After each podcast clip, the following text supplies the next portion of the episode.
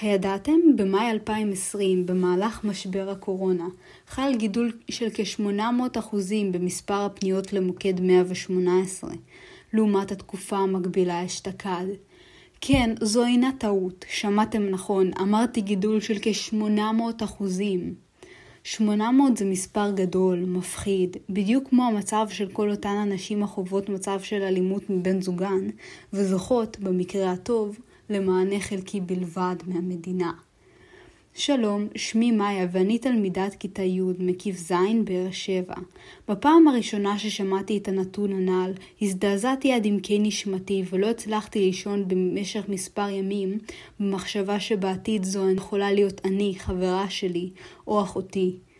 עקב כך, החלטתי לשתף את דעתי ומספר נתונים נוספים שמצאתי על הנושא.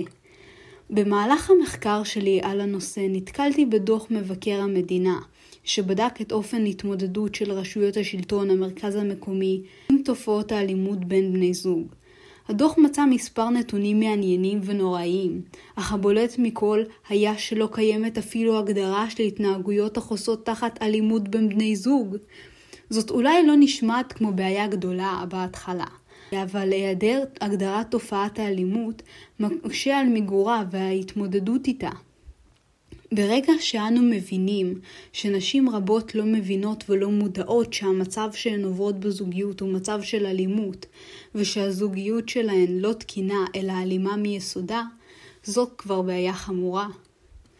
נתון מעניין נוסף שמצאתי בדוח היה התקצוב החלקי והבלתי מספיק של המרכזים לנפגעות אלימות על ידי הממשלה. בשנים 2017 עד 2020 הקצתה הממשלה 128 מיליון שקלים מתוך 300 מיליון שקלים שלפי הערכה דרושים ליישום התוכנית הלאומית לטיפול באלימות המשפחה. עקב כך ההתמודדות עם התופעה נותרה חלקית ומלווה בפתרונות זמניים. ככה כתוב בדוח מבקר המדינה. נתון זה הרגיז אותי במיוחד, כי מצוין שם, בחוסר בושה מוחלט, שחור על גבי לבן, הזלזול הרב של צוות מקבלי ההחלטות כלפי אזרחיות המדינה. אני זועמת וכואבת כי סיפורים על נשים אשר חוות אלימות לא חסר, ובכל זאת אין פתרונות סבירים הנראים באופק. בנוסף לכך, לפי דוח מבקר המדינה, ברבים מה... מהמרכזים יש זמני המתנה ארוכי טווח שעל הנזקקים לחכות, רק על מנת לקבל מענה.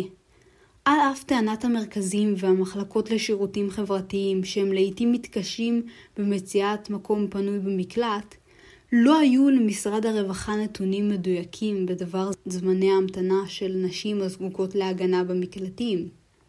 בהמשך מצאתי כתבה אשר עסקה בסקר שערך ארגון העובדות והעובדים הסוציאליים, המשתתפים בסקר נשאלו אם בסביבת העבודה שלהם קיים מחסור באמצעים שונים לטיפול באלימות במשפחה, כמו מקלטים לנשים מוכות, טיפול לנשים ולגברים במרכזים ברשויות המקומיות למניעת אלימות במשפחה, סיוע כספי לנשים נפגעות אלימות, סיוע במיצוי זכויות ועוד. כ-39.7% מהעונים על הסקר אמרו כי אכן יש מחסור בסיוע כספי לנשים נפגעות אלימות. אישה שלא עצמאית כלכלית תחזור לבן הזוג האלים, אומרת תמר שוורץ, מנכ"לית רוח נשית.